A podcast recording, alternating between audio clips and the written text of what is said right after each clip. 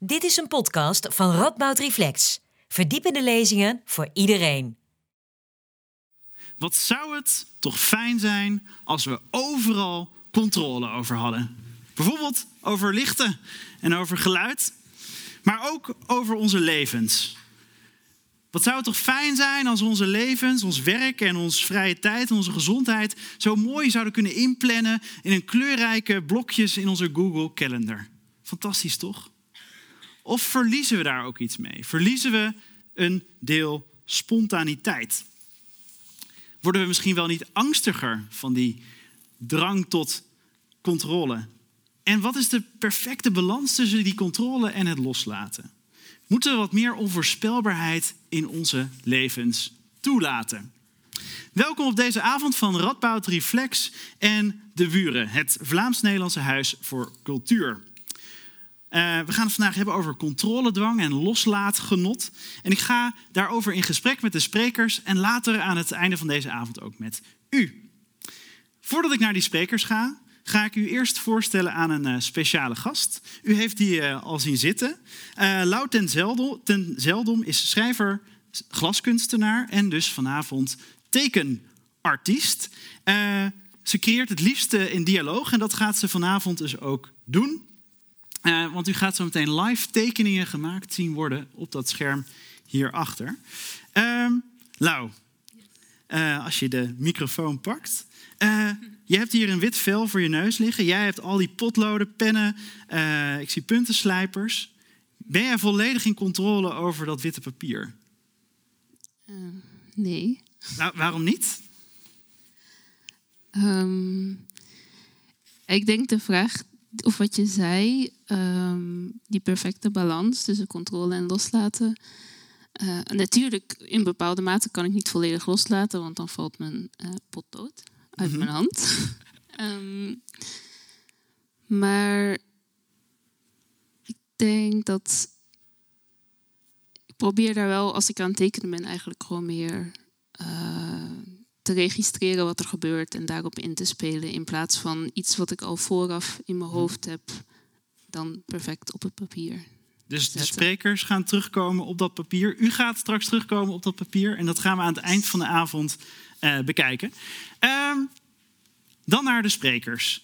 Uh, allereerst gaat u een lezing horen van Mariska van Dam. Zij is schrijver, filosoof en Neerlandica. En in 2022 was zij deelnemer van de eerste editie van Nieuw Geluid van de Buren. Um, en dat is een serie met allemaal jonge denkers die aan het grote publiek worden voorgesteld, zoals hier. Uh, ze is geregeld op het podium te vinden, vinden met haar kleinkunst, haar poëzie en ook met operetten. Dat gaat vanavond niet doen, maar leuk om te weten. Uh, de tweede spreker, Daniela Becker, is sociaal psycholoog aan de Radboud Universiteit. En ze onderzoekt hoe wij onszelf controleren, maar ook hoe we ruimte scheppen om te genieten. En dan Mark de Kessel, uh, doet als theoloog en filosoof aan de Radboud Universiteit onderzoek naar mystiek en moderniteit. Uh, deze avond gaat over controle. En een van de dingen die we niet konden controleren was dat de programmamaker die deze avond zou presenteren helaas vandaag ziek is geworden. Uh, dus Liesbeth is hier, staat hier helaas niet. Ik ben Adriaan Duifman, ik ben programmamaker bij Radboud Reflex en ik ga mijn best doen om de boel toch een beetje te controleren vanavond. Um, eerst gaan we dus luisteren naar de literaire lezing van Mariska en daarna gaan we naar het gesprek en tot slot kunt u vragen stellen. Geef een hartelijk applaus aan Mariska.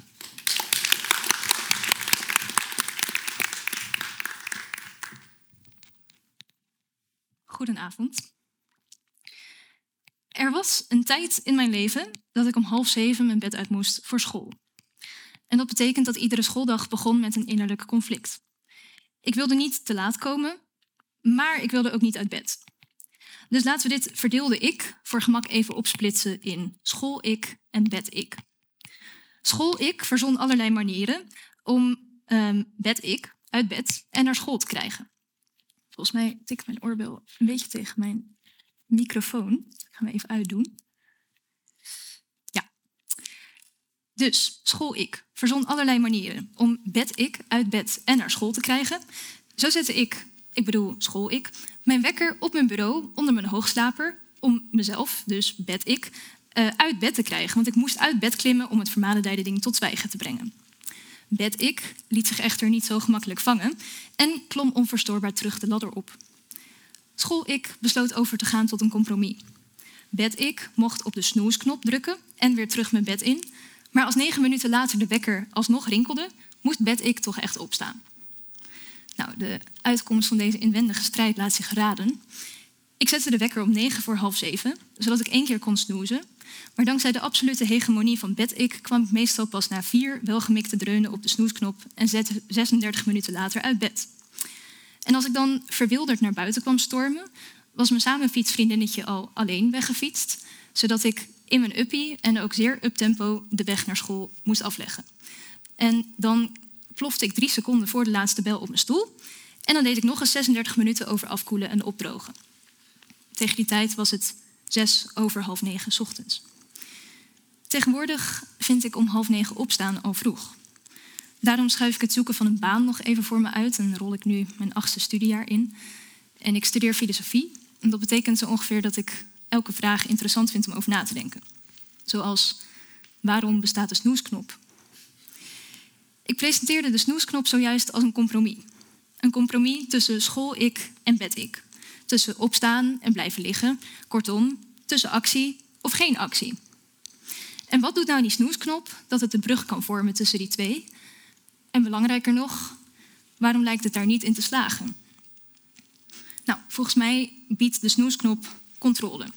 Met behulp van deze superhandige functie kun je jezelf ervan vergewissen dat je niet te lang blijft slapen zonder dat je meteen uit bed hoeft te komen.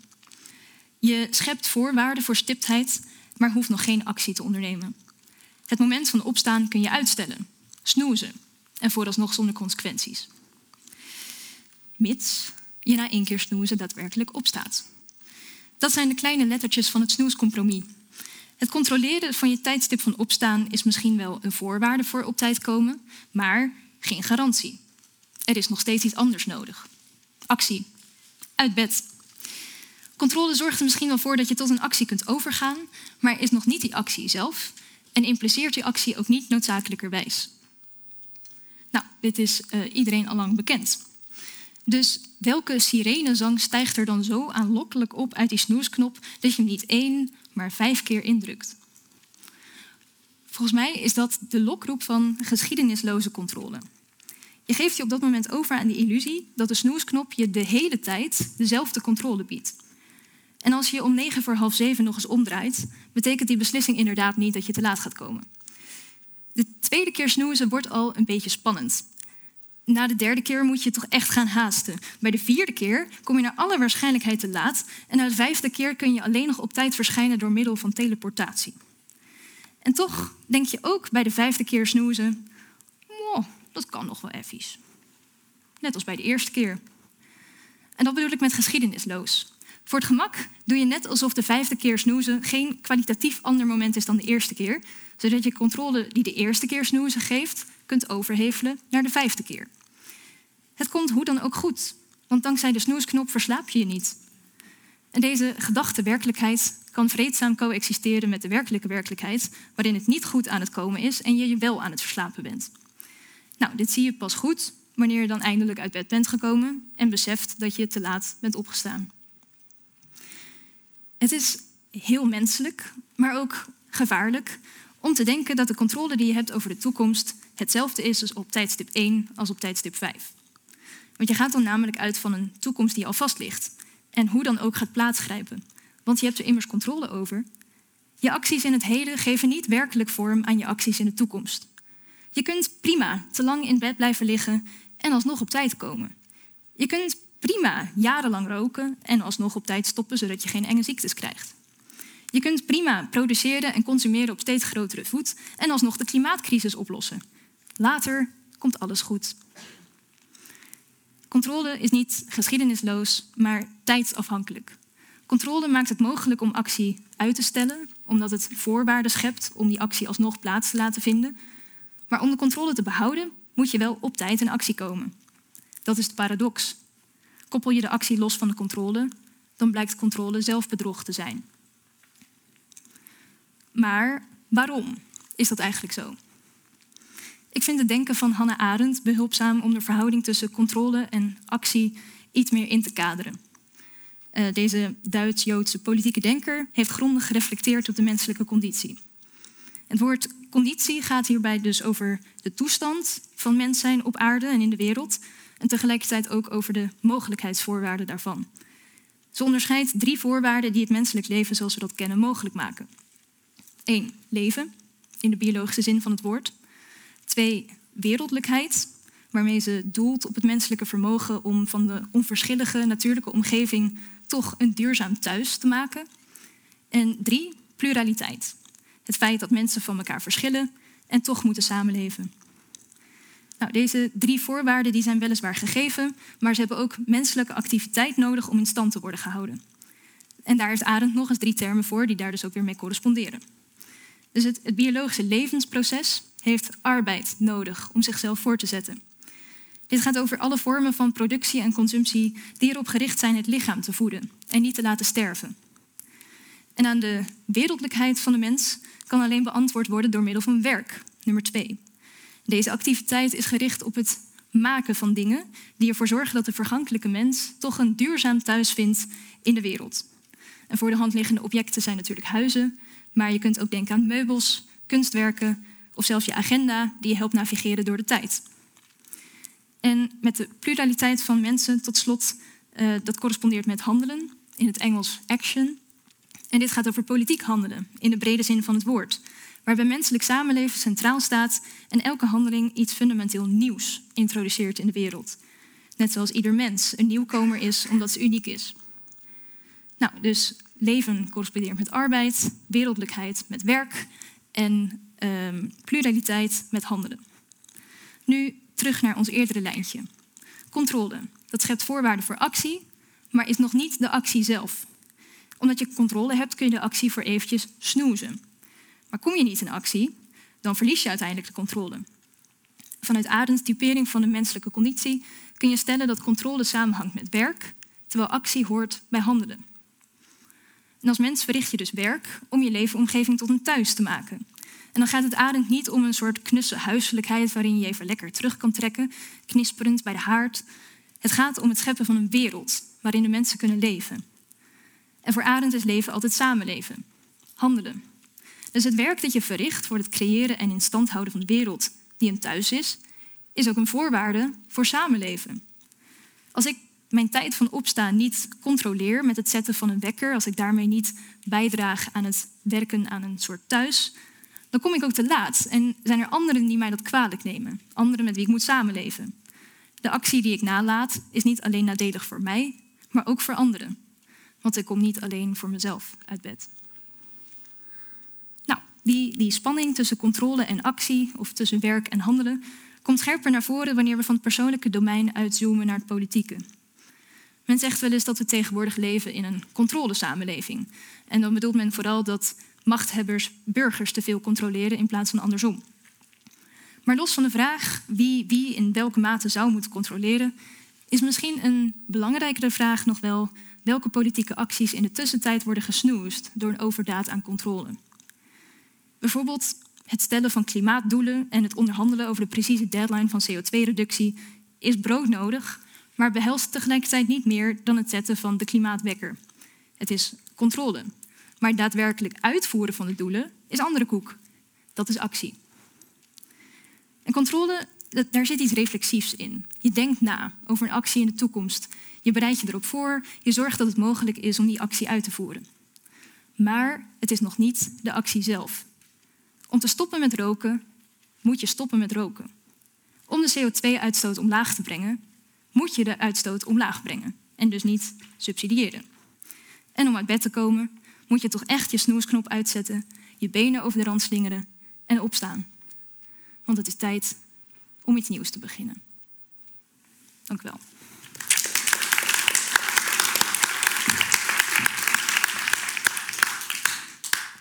Bedankt Mariska voor, dit, uh, voor deze mooie start van een gesprek. Dus ik wil de andere sprekers naar voren vragen.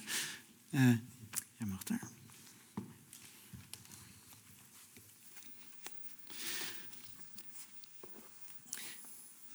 Om dit uh, gesprek te beginnen ga ik met een hele simpele vraag starten voor de andere twee sprekers, Mark en Daniela. Als we beginnen met Daniela. Hoe vaak heb jij vanochtend op de snoesknop gedrukt? Ehm, vanochtend één keer. Eén keer. Eén keer. En hoeveel minuten extra gaf je dat? Ja, nou, dat is bij mijn eh, wekker een beetje een probleem. Dat, dat weet ik eerlijk gezegd niet. En ik weet ook niet eh, hoe ik het kan aanpassen. Maar het is altijd, ik denk het is ergens tussen zes en acht minuten. Ik vraag me af waarom het niet vijf of tien is, maar het is, niet, het is niet vijf of tien. Het is een eh, zes tot acht minuten. Was het, eh, geef je dat, als je dat doet, geef je dat een gevoel van controle? Nou ja, we hebben net een eh, grapje daarover gemaakt dat het eigenlijk een heel grappig product zal zijn om een wekker te hebben waar de snooze eh, delay eigenlijk random wordt bepaald. Aha. Dus je weet niet hoe lang je snoest. En alleen al daarover na te denken vond ik best te eng. Dus, dus dan geef je de controle weg aan een wekker die je in principe vier uur later nog zou kunnen wekken. Ja, En wat zou, de, wat zou, de, de, de, de- daar, wat zou er daaraan hebben, aan zo'n wekker? Ehm, nou, paradoxaal genoeg ontneemt het je een bepaalde controle, waardoor je sneller overgaat tot de actie, denk ik, namelijk uit bed. Omdat je denkt, ja, waarschijnlijk val ik in slaap, word ik over twee uur pas wakker gemaakt, dus ik ga toch maar opstaan. Hmm. Mark, hoe vaak heb jij gesnoest vanochtend? Ik weet het niet. Weet je het niet? Ik weet het niet. Heb je überhaupt een wekker gezet? ik denk, het, ik denk het niet eigenlijk. Oké, Niet zo vroeg op, dus... Nee, nee. je, hebt niet zoveel je hebt niet de regulatie van een extern apparaat nodig om je dag te Wel, ja, maar... Ja, ik, zou je... Een, mijn ochtendrituelen en de gedachten die ik 's ochtends heb... Ik vind, als we daarover beginnen, is heel erg. Het is heel erg. Het is heel erg, ja. Dus eh, ja, daar gaan we... Oké, nu word ik alleen maar nieuwsgierig. ik weet ook niet wat ik met hiermee moet. Maar Van ehm, controle heb ik geen controle over. Oké. ehm, ik denk dat we dit eh, straks. eh, u kunt straks ook nog natuurlijk na deze, dit, dit, deze avond. kunt u straks bij de Yard nog een biertje drinken. Wie weet, moeten we het er dan nog eens een keer over hebben. Ehm, laten we dan. eh, naar zelfcontrole gaan, Danielle. Want, want eh, we, we hebben het dus over de snoesknop is een externe vorm, of de wekker is een externe vorm van controle die je instelt. Dus misschien is het ook wel weer een soort van zelfcontrole. Maar ehm, jij doet onderzoek naar, naar zelfcontrole als psycholoog. Hoe doe je daar onderzoek naar? Wat doe je met je proefpersonen? Ja. Ehm goede vraag. Ehm we doen heel veel verschillende dingen. En zelfcontrole is een heel breed begrip en het is ook een heel breed vakgebied. Dus meestal kies je dan voor een heel specifieke vorm van controle. Er zijn over het algemeen drie brede vormen. Of je wil onderzoeken of mensen zich kunnen inhouden. Mhm. Dus dat is meestal dat we hun in de verleiding brengen. Ja, meestal doen wij dat met, met ongezond eten versus gezond eten. En dat we dan ervan uitgaan dat ze dat moeilijk vinden om zich in te houden. Maar je kan ook het onderzoeken als eh, eigenlijk een moeilijke actie beginnen. Dat is eigenlijk heel erg wat jij beschreef. Dat je gewoon in actie komt. Dat is iets anders dan weerstaan.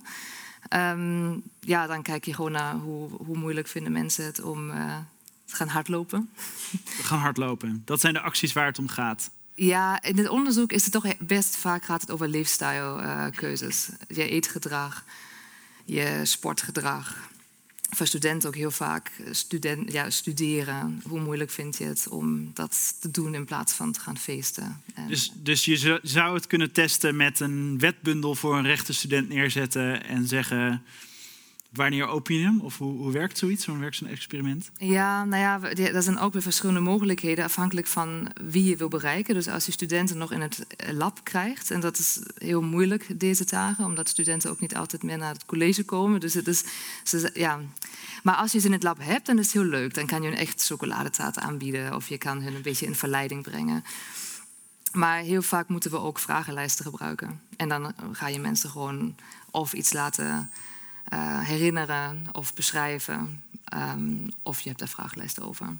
Ik heb ook wel eens gehoord over de, de marshmallow-test. Ik denk dat dat voor veel mensen in de zaal ook bekend terrein is. Wat, gebruiken jullie die ook wel eens? Nee, eh, ik heb die zelf nog nooit gebruikt. Ehm, daar is wel echt heel erg leuk nieuw onderzoek over, wat laat zien dat in sommige situaties het toch juist beter is om die marshmallow te eten. Wat, wat even voor de duidelijkheid, wat is die test? Ehm, ja, misschien hebben jullie ooit over iets gehoord of eh, zo'n video gezien van een heel schattig jongetje die geconfronteerd is met een marshmallow. En de, de, de test is redelijk simpel. Je krijgt, de instructie is, je je kan of één marshmallow nu eten, of je wacht zeven minuten of tien minuten voordat eh, de experimenter terugkomt. En als je dat redt, dan krijg je er twee.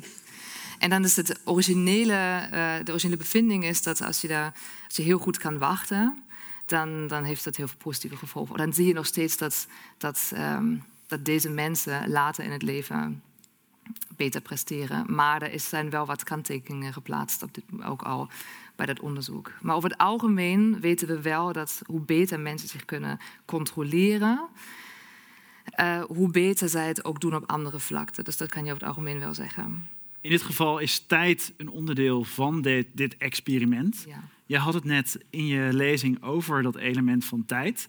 Ja. Eh, letterlijk natuurlijk, met die klok die er ook eh, lekker aan het doortikken is.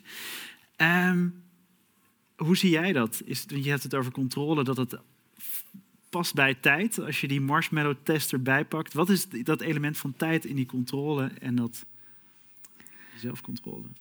Ehm, ja, dat is een hele brede vraag. Ja. Maar Ehm, ik, ik denk dat, zeg maar, eh, wat mijn punt van controle is niet geschiedenisloos, maar tijdsafhankelijk, is dat het dus ook heel erg te maken heeft met op welk moment je welk ander moment probeert te controleren. Zeg maar, wat voor tijdspannen daar eigenlijk tussen zit. mhm. En ik denk dat je ook wel ziet dat hoe verder iets weg is in de toekomst, hoe abstracter het eigenlijk ook wordt en hoe moeilijker het wordt om daarvoor nu al een beetje in actie te komen. En ik denk dat controle daarvoor ook best handig is. Dat je je alvast toch gaat voorbereiden op die actie, ook al voel je misschien nog niet echt een incentive om daar aan te gaan beginnen. In die zin is bijvoorbeeld het stellen van klimaatdoelen voor over 30 jaar ook wel weer goed, omdat je dan toch een soort stip op de horizon zet waarvan je zegt: hier gaan we naartoe. Ook al weten we nog niet hoe de wereld eruit ziet op dat moment. Je probeert dan controle uit te oefenen over de wereld die nog moet, moet komen. Ja, ja, ja. En eh, anderzijds, de wereld die nog moet komen, die creëer je ook wel weer zelf natuurlijk door je acties. En, maar goed, controle is ook weer niet actie, dus daar zit een soort spanning in. We gaan, hier, we gaan hierover eh, doorpraten zometeen. Eh en, en we gaan van de, van de tweede marshmallow eh, geleid naar klimaatdoelen over 30 jaar. Het is allemaal heel groot. We gaan van het kleine naar het grote. En om dan het maar gelijk heel groot te maken. Mark, je bent theoloog en filosoof. Jij denkt ook na over de vraag wat nou eigenlijk de mens is. En dan ga ik jou maar gelijk een hele moeilijke vraag stellen. Waarom, je kijkt verschrikt, waarom willen we zo graag controleren? Waar zijn we nou zo bang voor? Oh, Ja, inderdaad, een moeilijke vraag. Maar misschien eerst, want ja, je, je gaat er al uit dat ik goed weet wat controle is. Ik heb daar een, een idee over. Als je, als je dat cultureel bekijkt, hè, na- ook historisch gezien, dan, dan is men, je hebt het over zelfcontrole. Maar wat mij opvalt, als je dat van op afstand bekijkt, dan gaat controle altijd in het centrum van waar die controle mee bezig is, over iets dat aan de controle ontsnapt. Anders zou er geen controle moeten zijn. Het feit dat er controle moet zijn, betekent dat de mens, als je dat over de mens hebt, iets heeft dat, dat aan die controle ontsnappen. En misschien, of als ik dat cultureel bekijk, moet ik zelfs niet meer zeggen misschien, wat de mens uiteindelijk wil, is iets waar hij die controle niet meer nodig heeft. En toen ik een uitnodiging kreeg om, om, om iets over controle te zeggen, dacht ik meteen aan, dan, omdat, ik graag een beetje historische afstand heb qua cultuur, aan de Dionysos-cultus in het oude Griekenland.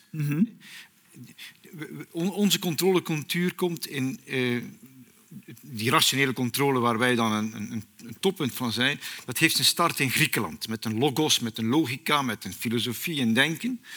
Maar in die, precies waar het denken ontstaan is, is in die cultuur daar, is er een god, met name Dionysus, waar die hele cultuur voortdurend mee gevochten heeft. Omdat dat de god is, die komt van elders, die komt van het oosten.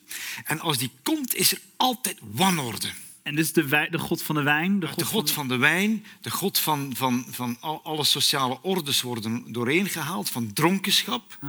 Ehm, maar, en dat fascineert mij ongelooflijk, die Dionysus, die wanordelijke God, die incarnatie van de wanordelijkheid, is wel centrum van een behoorlijk ordelijke cultus. Dus hier zie je de spanning. Dat is, echt, dat, is echt, dat is echt controle. Controle gaat over iets dat aan die controle ontsnapt.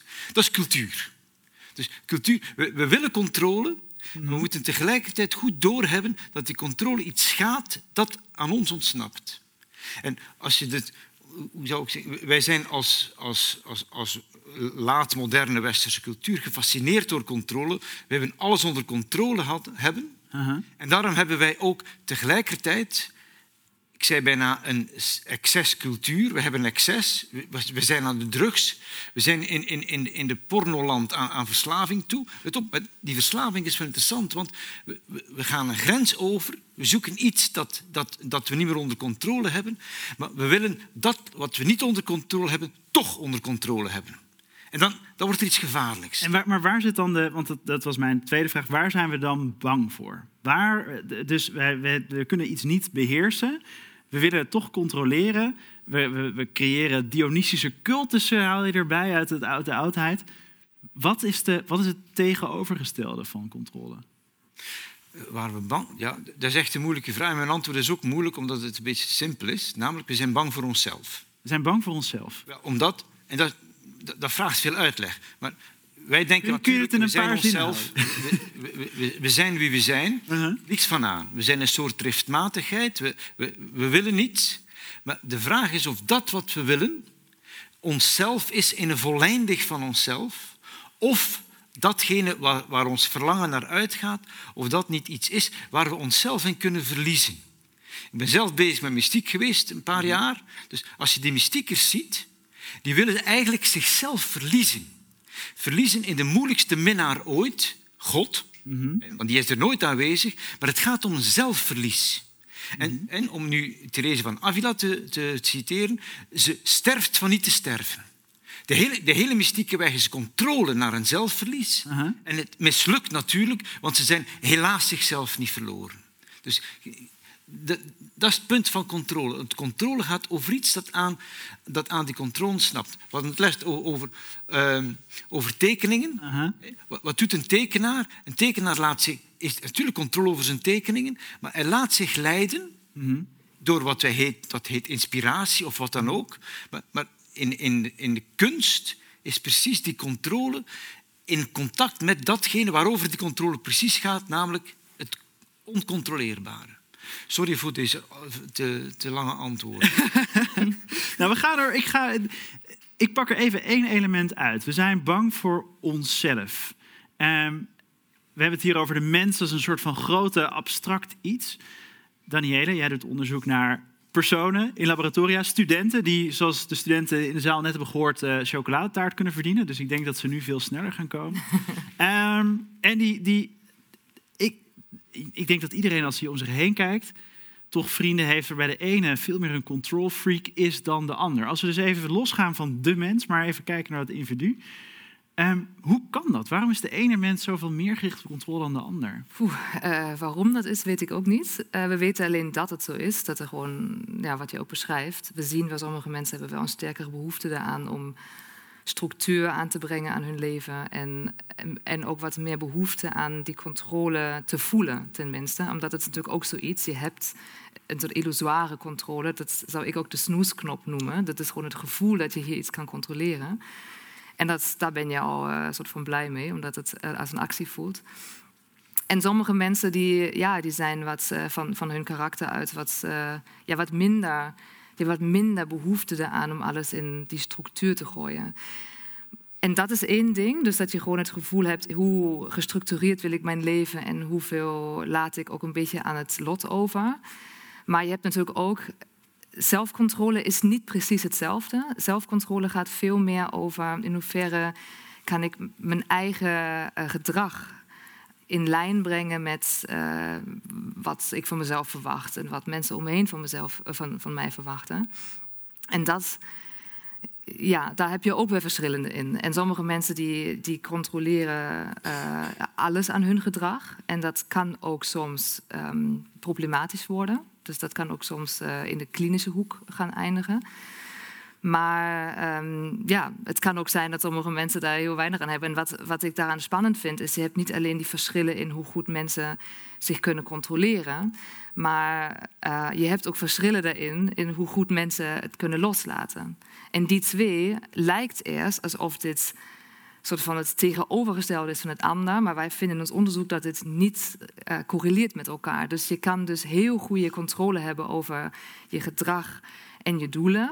En tegelijkertijd iemand zijn die wel ook nog ruimte kan maken voor plezier en dat loslaten iets beter kan ervaren. En dat vind ik wel persoonlijk heel erg goed nieuws. Omdat mhm. het betekent dus niet dat het zo makkelijk is. Je bent of echt zo'n control freak en dan doe je alleen maar dit. Mhm. Maar het, het kan ook allebei. En dat is zeker de beste toestand die je waarschijnlijk kan willen bereiken. En dan even voor ons beeld om dat contrast dan te schetsen. Uh, je noemde net ook mensen die dus juist wel heel veel controle wilden, willen. Ook mensen die dus heel erg, uh, die niet de capaciteit hebben om, om los te laten. Ja.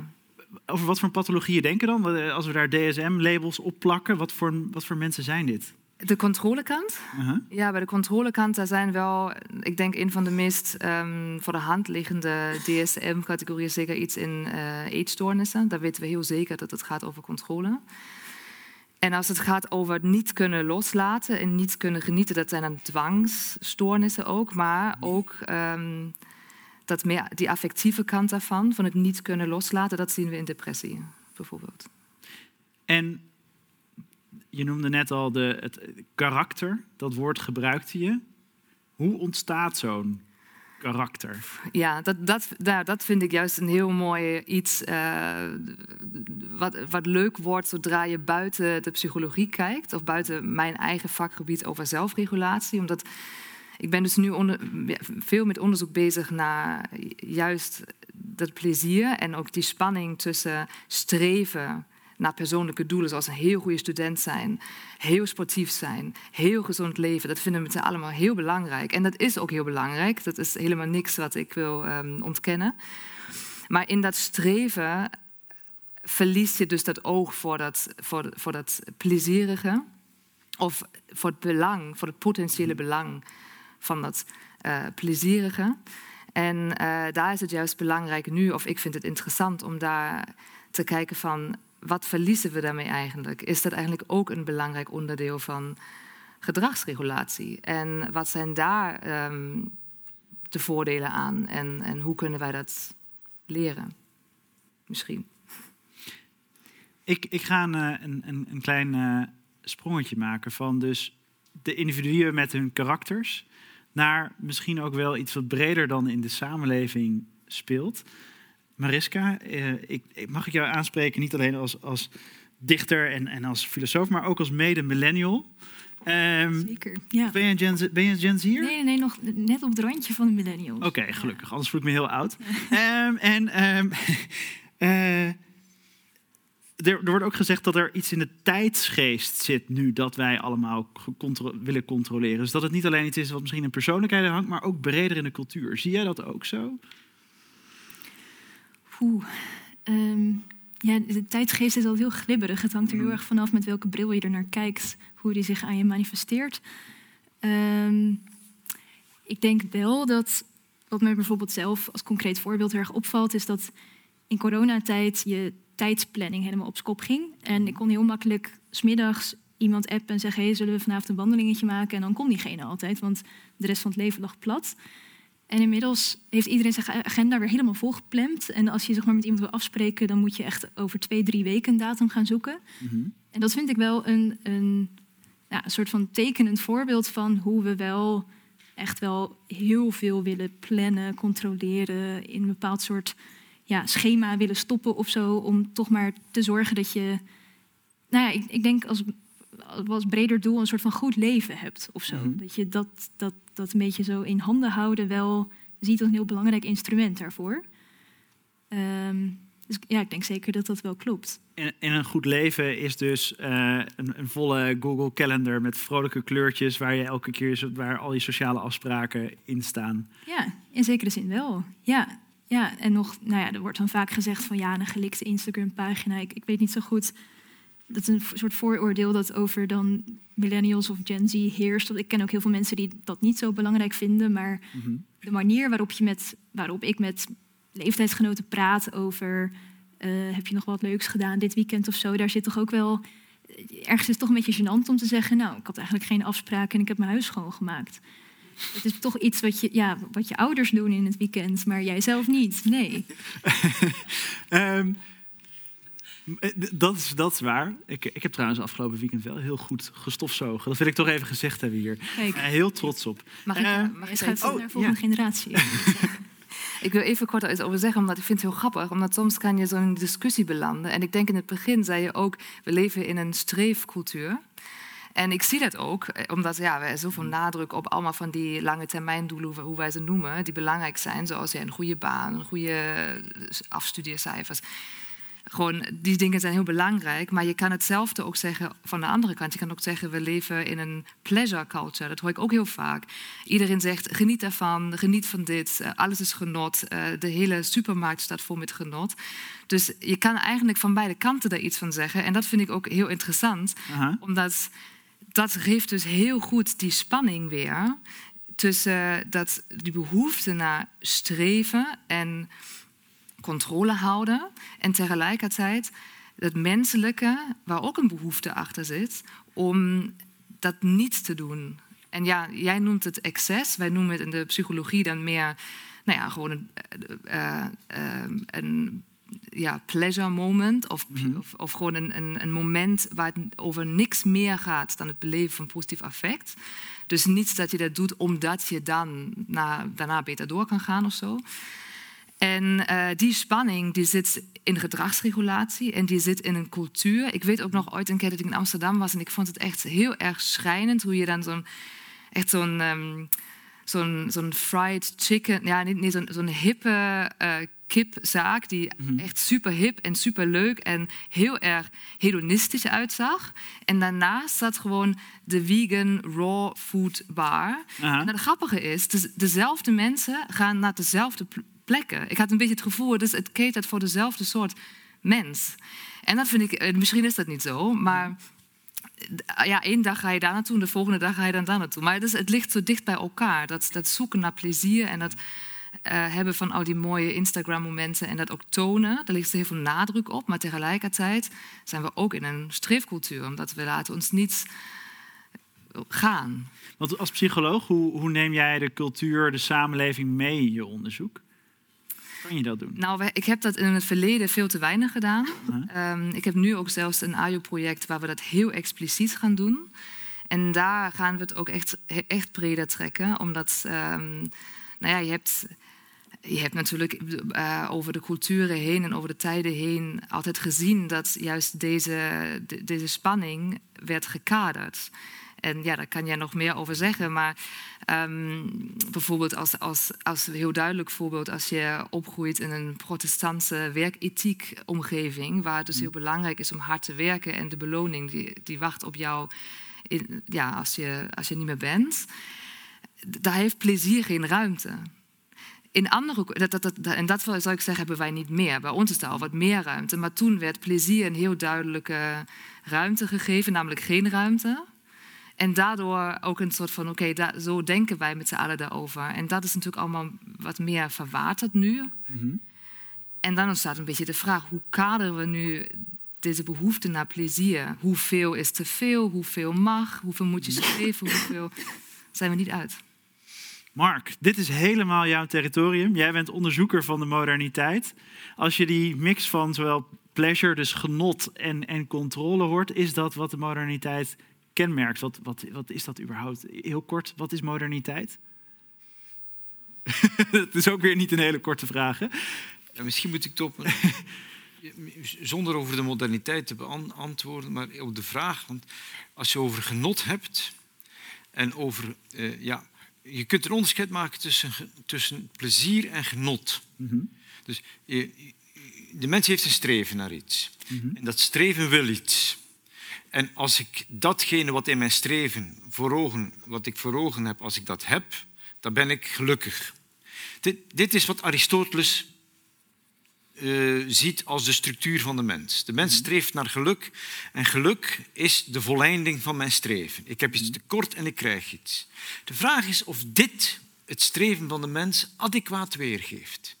Het zou wel eens kunnen dat het menselijk streven niet getekend is door een winstprincipe. Ik heb iets niet en ik win iets. Maar misschien wil hij ons ten diepste onszelf verliezen. De hele religie gaat daarover. Ik wil mij verliezen in God. De hele genotscultuur vandaag is de kick om van mezelf verlost te zijn. Op dat moment is datgene waar ik naar streef niet het plezier of het geluk die mij stevig gecontroleerd op de wereld zet, maar is datgene waar ik naar streef een punt waar ik weg van de wereld in een gat val, maar, maar, maar mezelf vergeet. Dat zit ook in onze cultuur. Ik, ik zeg maar iets.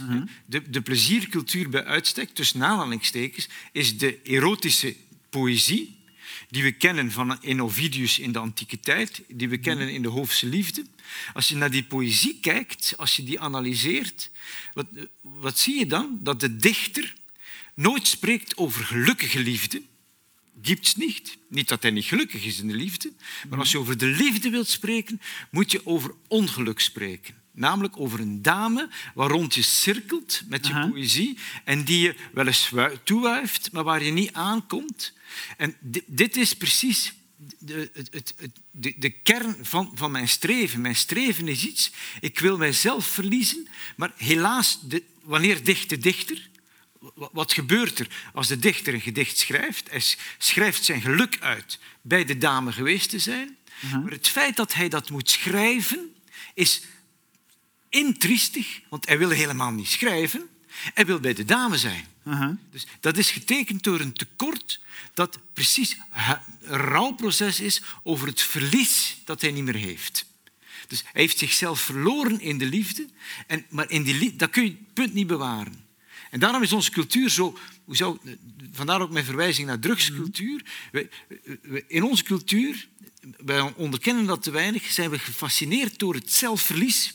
Maar we willen dat zelfverlies kapitaliseren. We willen daar meester over. Tot in de reclamewereld. Ik moet in, in precies in dit oerwoud waar nog niemand geweest is, daar kun je echt genieten van hut van hut. Je wilt, je wilt grenzen over. Maar er zit, er zit iets, iets pervers in. Omdat je, omdat je precies niet herkent dat datgene waarover je genot gaat, dat je dat niet, precies niet kunt controleren. En dus in een serieuze cultuur heb je controle altijd over wat aan de controle ontsnapt en zet je dat helder neer. Dat is wat de, de, de, de Griekse cultuur doet door een Bacchuscultuur te genereren, waar ze in het midden van die Bacchuscultuur de tragedie neerzet.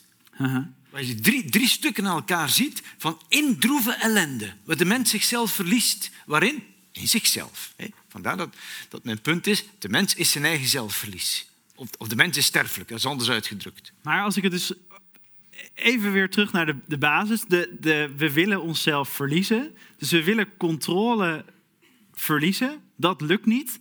En dan gaan we maar eh, gedichten schrijven zoals Petrarca... of zingen over de lente in de ogen van de tandartsassistenten of zoiets. Omdat dan nog een soort van het... het om het, niet te be- de, de, de, zel- het zelfverlies wat we niet kunnen controleren, toch te controleren? Of hoe moet ik dat dan zien? De, de Hoofdse dichter of Petrarca heeft, door, heeft die structuur goed door. Dus dat staat er helder neer.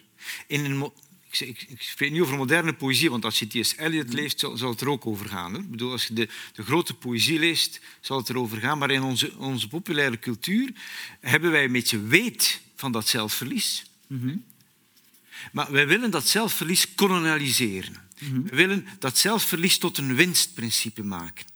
Daar is ook een hele winsteconomie op gebouwd, want dat is onze drugscultuur. Waar je daar gigantisch kunt winst maken. Je kunt stinkend rijk worden op mensen iets te geven waar ze zichzelf verliezen. Dat, dat is wel het punt. Daar is onze reclame op gebouwd. Hè. Ik, als als Coca-Cola Imperium word ik rijk door mensen datgene te kopen dat niet hun dorst lest, maar door dorst aan die mensen te verkopen. Oké, we, gaan, we gaan even terug naar het, het baganaal en even het hedendaagse baganaal dan. Goed dan? Ehm, Ik zou, als ik er even mag Ja. inbreken, ik zou ook zeggen dat dat, ehm, om het weer een beetje terug te trekken naar de millennials, dat het dan misschien wel meer gaat over een alcoholcultuur dan een drugscultuur. Alcohol is natuurlijk een soort gelegaliseerde druk, maar dat, dat is echt wel een vorm van gecontroleerd zelfverlies, zou ik zeggen. Mensen Ja. plannen, ik ga zaterdag uit en dan ga ik mijn kop eraf schroeven. En nou ja, dan Aha. weet je dat je de dag erna brak bent, dus dan hou je die dag vrij gepland van dingen. Of je gaat samen rondhangen of zo. Maar, dus je plant helemaal hoe je jezelf gaat verliezen in Ja. een feestje, in gezelschap. In, en dat je daar ook drank voor nodig hebt eigenlijk. Tenminste, dat is het idee. Ja. Maar als je dat, als je dat inplant, hè, als je hier dus inderdaad eh, je kop eraf schroeft... of je gaat hier naar Drift of zo eh, in Nijmegen... en je plant dat van tevoren eh, en je weet dat je de dinsdag daarna je niet zo goed voelt en zo... Ehm, is dat... ehm, kan je dan je daadwerkelijk overgeven aan, aan jezelf verliezen? Want je hebt het toch helemaal gepland dat je je aan jezelf verliest? Nou, ik denk dat dat in zekere zin wel kan. Ja, tenminste, dat, kijk, dat is ook het leuke aan alcohol. Dat is niet alleen maar een idee dat je zeg maar, jezelf aanpraat. Je wordt daadwerkelijk wat losser. Tenminste, dat is mijn eigen ervaring. Eh, dus het is ook maar niet dat je zonder alcohol niet kunt genieten, maar het geeft wel een andere ervaring. Mhm. Eh, die ook echt wel ehm, op een bepaalde manier het waard is om na te streven, denk ik. Zonder dat ik meteen wil zeggen, het is heel goed om, om superveel te drinken, maar het is ook niet goed om dat meteen af te keuren, denk ik. Om eh, af te keuren dat je genot zoekt in... Via, via middelen, Middelen. die eh, buiten jezelf liggen, denk ik. Ja, als ik hier het op Mhm. mag toevoegen. Dus ehm, wat, wat wel belangrijk is als je bij alcoholconsumptie bent, dan heb je wel twee eh, motieven die klinken alsof ze hetzelfde zijn, maar ze zijn wel verschillend. Je kan dus drinken omdat je je positiever wil voelen en je kan drinken omdat je die gedachten niet meer wil hebben. Waardoor je ook iets lichter waarschijnlijk positief voelt. Maar sommige mensen drinken dus omdat ze een heel leuke tijd willen hebben en juist dat positieve willen aanwakkeren. En sommige ik weet niet wat je precies bedoelde met de koppen afschroeven, maar gewoon die gedachten uitzetten en werk even achter je laten. En omdat dat is wat wij ook in ons onderzoek vinden, is dat het me- dat wat de mensen in de weg zit. En misschien rijdt dit ook met wat jij zegt over zelfverlies, is dat ze hun zelf niet kunnen uitzetten. En die zelf is bij ons dan heel vaak geoperationaliseerd als gedachten over, oh, ik zou eigenlijk nog eh, eh, e-mails moeten beantwoorden, nog een assignment moeten afmaken. Dat dan voor onze studenten zo. Ik, ik mag nu niet ehm, eh, die, die taart eten omdat ik ben eigenlijk op dieet. Dus die zelf, die heel vaak die normatieve gedachten in je hoofd creëert, die houdt je natuurlijk terug. En wat wij vinden in een onderzoek waar we precies eigenlijk keken van waarom drinken mensen, ehm, heb je dus dan die, die ene motivatie om, dit, om die gedachten uit te zetten. En wij vonden dat juist mensen die dus niet zo goed zijn in het genieten, dus die aangeven dat ze last hebben van die gedachten, dat ze last, dat moeilijk vinden om in het moment even het moment te laten zijn, dat die juist meer geneigd zijn om alcohol te gebruiken. En dat is heel interessant. Je zou kunnen denken, als je echt een genietatief bent, dan ga je heel veel drinken. Maar het lijkt dus juist te zijn dat je gaat compenseren. Je wil die gedachten uitzetten, je wil jezelf uitzetten. En daarvoor is alcohol uitermate geschikt, andere drugs ook. Uh, maar alles wat je waarneming gewoon zodanig beïnvloedt dat je even die gedachten uitzet.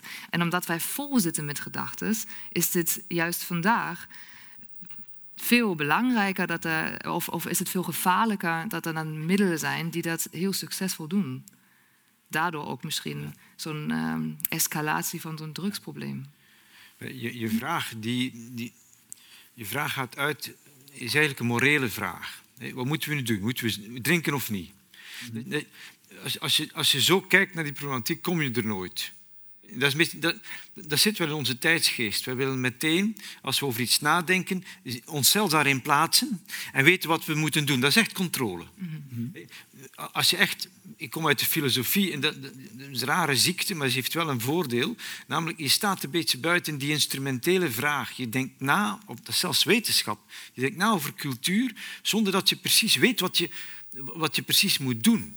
En dan, dan, kijk je naar culturen en dan zie je dat die culturen omgaan met, met, met datgene wat, aan, wat, wat, wat, niet eenduidig te, te, zeggen is eigenlijk. Dus in die zin, de, de, de, de mens heeft, hoe zou ik zeggen, als, als ik naar de, de Bacchus-cultuur ver, verwijs en naar de tragische cultuur, dan is dat precies niet te moraliseren. Je kunt een stuk van Antigone, als Sophocles, je, je kijkt daarnaar, we kijken er al 2000 jaar naar. Ik zou niet weten wat ik moet doen nadat ik gezien heb. En het is ongelooflijk mooi.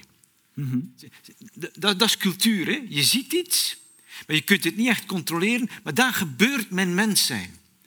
Dus als ik mijn mens zijn herleid tot wat gecontroleerd kan worden. De moderne mens heeft door dat er iets voorbij die grens ligt van de controle. En daarom wil hij dat ook controleren.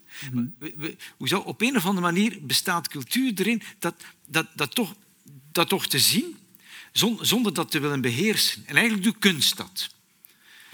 De, de, de, de, kunstscène in, in de 19e, 20e eeuw, de moderne kunstscène, die toont altijd iets wat ik niet kan zien. Maar wij, wij willen dat toch accapareren. En dan, en dan ja, hoe zou ik zeggen, dan, dan is het weg. Maar dus een, een beeld maken of een... Ja, Mariska, jij maakt kunst. Jij, of jij, jij, jij dicht. Mhm. Zie jij dat ook zo, dat je iets probeert te raken wat je nooit kan raken? Um, ja, in zekere zin wel. Um, nou ja, je, je, probeert toch... Zo, ik, ik start meestal vanuit een eigen ervaring... Uh, nou ja, sterker nog, ik, ik, start niet eens vanuit een idee van, nou, ik ga nu hier een gedicht over schrijven. Als ik dat doe, dan wordt het meestal geen goed gedicht. Um, maar je, je probeert toch wel bepaalde eigen ervaringen tot iets te bundelen wat um, ook de ervaring van de lezer kan aanspreken. Terwijl ik wel weet dat hij een andere ervaring heeft dan ik. Mm -hmm. uh, dus je probeert iets, iets te op te werpen of zo buiten jezelf, waar iemand anders naar kan kijken en kan zeggen: hé, hey, daar herken ik iets van, van mens zijn in. Mhm. En uh, dit, dit raakt mij ook op een bepaalde manier. Ik sta er niet onverschillig tegenover. Uh, en dat, ja, wat was de vraag ook alweer? of je, dat, of je het, het, het herkent om iets uh, te proberen te aan te raken wat je niet kan aanraken, en dat heb je beantwoord. Maar is dat dan ook een vorm van het controleren van dat onaanraakbare? Nee, Nee, ik begin meestal met een soort opzetje.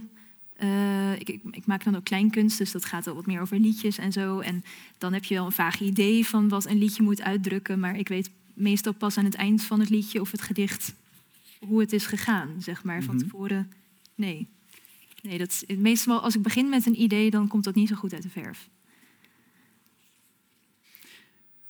Kan ik daar iets aan toevoegen? Mm Ja, als, als, de, we hadden het toch over kunst. Hè? Dus als, als kunst zich volledig naar. Als kunst zijn publiek wil controleren en beheersen en wil pleasen aan het publiek, wordt kunst propaganda. Dat is het mhm. probleem. De, de, de kunst, en in de 19e, 20e eeuw zie je dat, dat die kunstenaars op, op een bepaalde manier altijd precies niet willen tonen wat de mensen van hen willen. En daarom is het grote kunst. Die, daarom is die kunst veranderd. Daarom tonen ze iets en tonen ze de mens waar die mens zijn eigen controle over zijn zelfbeeld, want dat is wat ze van de kunst verlangen. Ik wil van de kunst dat ik mij erin kan herkennen. Mhm. dat, dat, dat, dat niet gebeurt. In een, de controlemaatschappij bij uitstek die de Sovjet-Unie was, heeft Stalin een kunst gepropageerd waar de mensen zich wel kunnen herkennen. Mhm. Als, dat is echt controlemaatschappij. Dus het is wel nodig in een controlemaatschappij dat er, dat er een sector is die in die controle, die we, niet, we kunnen niet anders dan ons zo ver mogelijk controleren. En toch hebben we kunst in scène nodig. Ik zeg nu kunst, de vraag is of kunst dat nog doet. We hebben een scène nodig die tegendraads is. En die is er hoor. Dat, dat is er. Bedoel, als, als je naar de, de populaire muziek kijkt, bedoel, de, de, de, degene die liederen maakt, die kan zijn publiek pleasen, maar kan evengoed zijn middenvinger opsteken. En die zal, ook, die zal precies daarom ook geapprecieerd worden. Dus er is die, die, die, die spaltung, die, die, die spanning die erin zit, die, die, die essentieel is. Dus we hebben eigenlijk nog steeds dat Dionysische, wat, uh, waar, waar, je eerder naar verwees, dat hebben we nog steeds hard nodig. Jazeker, in, in, in kunst en Dionys, ja, die, die, die, kunst zijn, dat, dat, ik citeer niet, of ik verwijs naar Nietzsche zijn punt. Nietzsche zegt precies dat in die Apollinische kunst, in die schone kunsten, dat daar die hele schoonheid is gebouwd rond datgene wat aan die schoonheid ontsnapt. En wat essentieel is om het schone schoon te houden. Of mm. zoals Rielke zegt, het schone is het net nog te verdragen begin der verschrikking. In, in, in, de eerste elegie. Dat, dat is fantastisch. Hè? Dus de, in klassieke dichten, nog in de jaren twintig, hij spreekt over de schoonheid en het is het net nog te verdragen begin der verschrikking. Dat, dat is kant zijn sublieme. Dan voel je dat, dat en, en, daarin zit die moderniteit. dan voel ik als moderne mens mijn En nu kan ik op je vraag antwoorden, want daar sta ik. Ik sta tegenover de wereld, mhm. maar ik heb niet echt een band met die wereld. Dat is vrijheid. We zijn vrije mensen en we verstaan onszelf niet meer vanuit de band met de werkelijkheid, maar vanuit een vrijheid tegenover die band.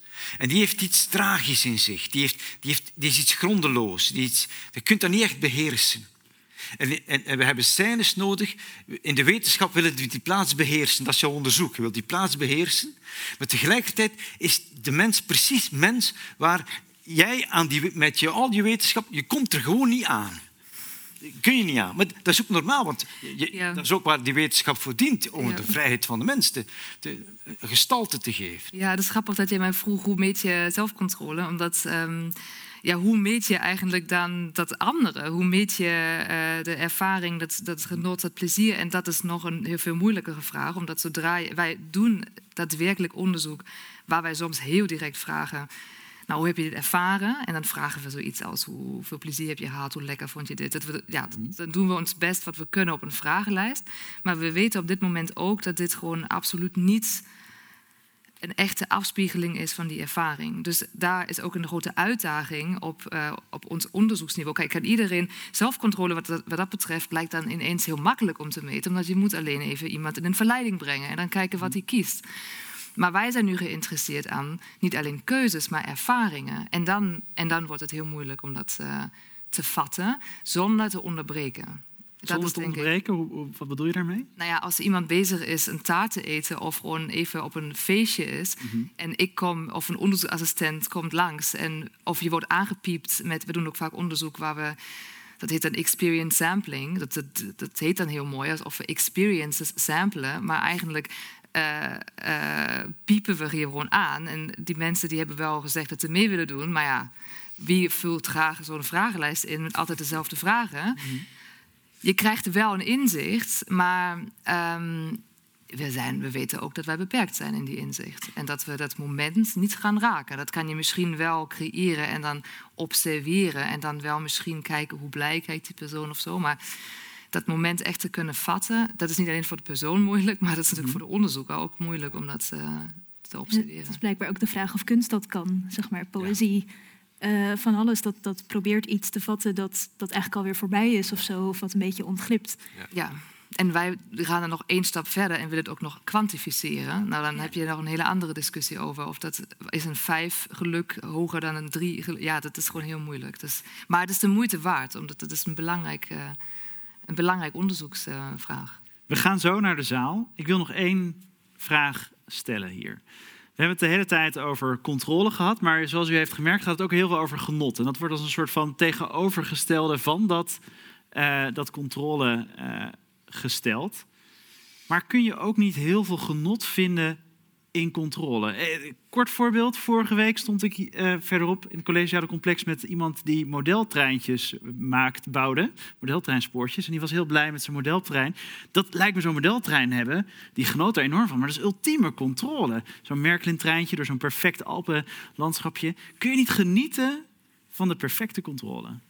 Ja, zeker. Omdat eh, ik zie precies wat je beschrijft. En ik ben zeker dat als ik die persoon zou vragen met de vragenlijstje, dat hij dat heel veel uh, plezier uh, heeft beleefd. Maar we moeten heel erg opletten dat we het niet beperken tot dat. Of dat we niet zeggen van dit is de betere soort of de hogere vorm van genot. Omdat wat jij nu beschrijft is heel erg afhankelijk van uh, vaardigheid. Dus die persoon die heeft dan de vaardigheid om dit in elkaar te zetten en dat ook goed te doen en dan daar plezier uit te ervaren. Nou als student kan je ook heel veel plezier ervaren als je een hoge cijfer haalt. Maar als we alles plezier koppelen en afhankelijk maken van een prestatie en een soort van tonen van vaardigheid, dan maken we het ten eerste ontoegankelijk voor heel veel mensen. En ten tweede uh, is het toch ook weer niet. Het is een vorm daarvan, maar het is niet. Uh, het, is, het, het, het, het kan niet de, de pure vorm zijn. En ik vind het belangrijkste punt is daadwerkelijk dat je, dat je, dat je sommige mensen dan gewoon uitsluit. Ik wil u allen hartelijk bedanken voor uw komst. Namens De Buren, het Vlaams-Nederlandse Cultuurhuis en namens Radboud Reflex. Ehm, kom vooral nog eens langs bij Reflex hier in Nijmegen, in de stad en op de campus. En eh, ik wens u een hele prettige avond en nog een laatste hartelijk applaus voor de sprekers en voor Lauwe de tekening.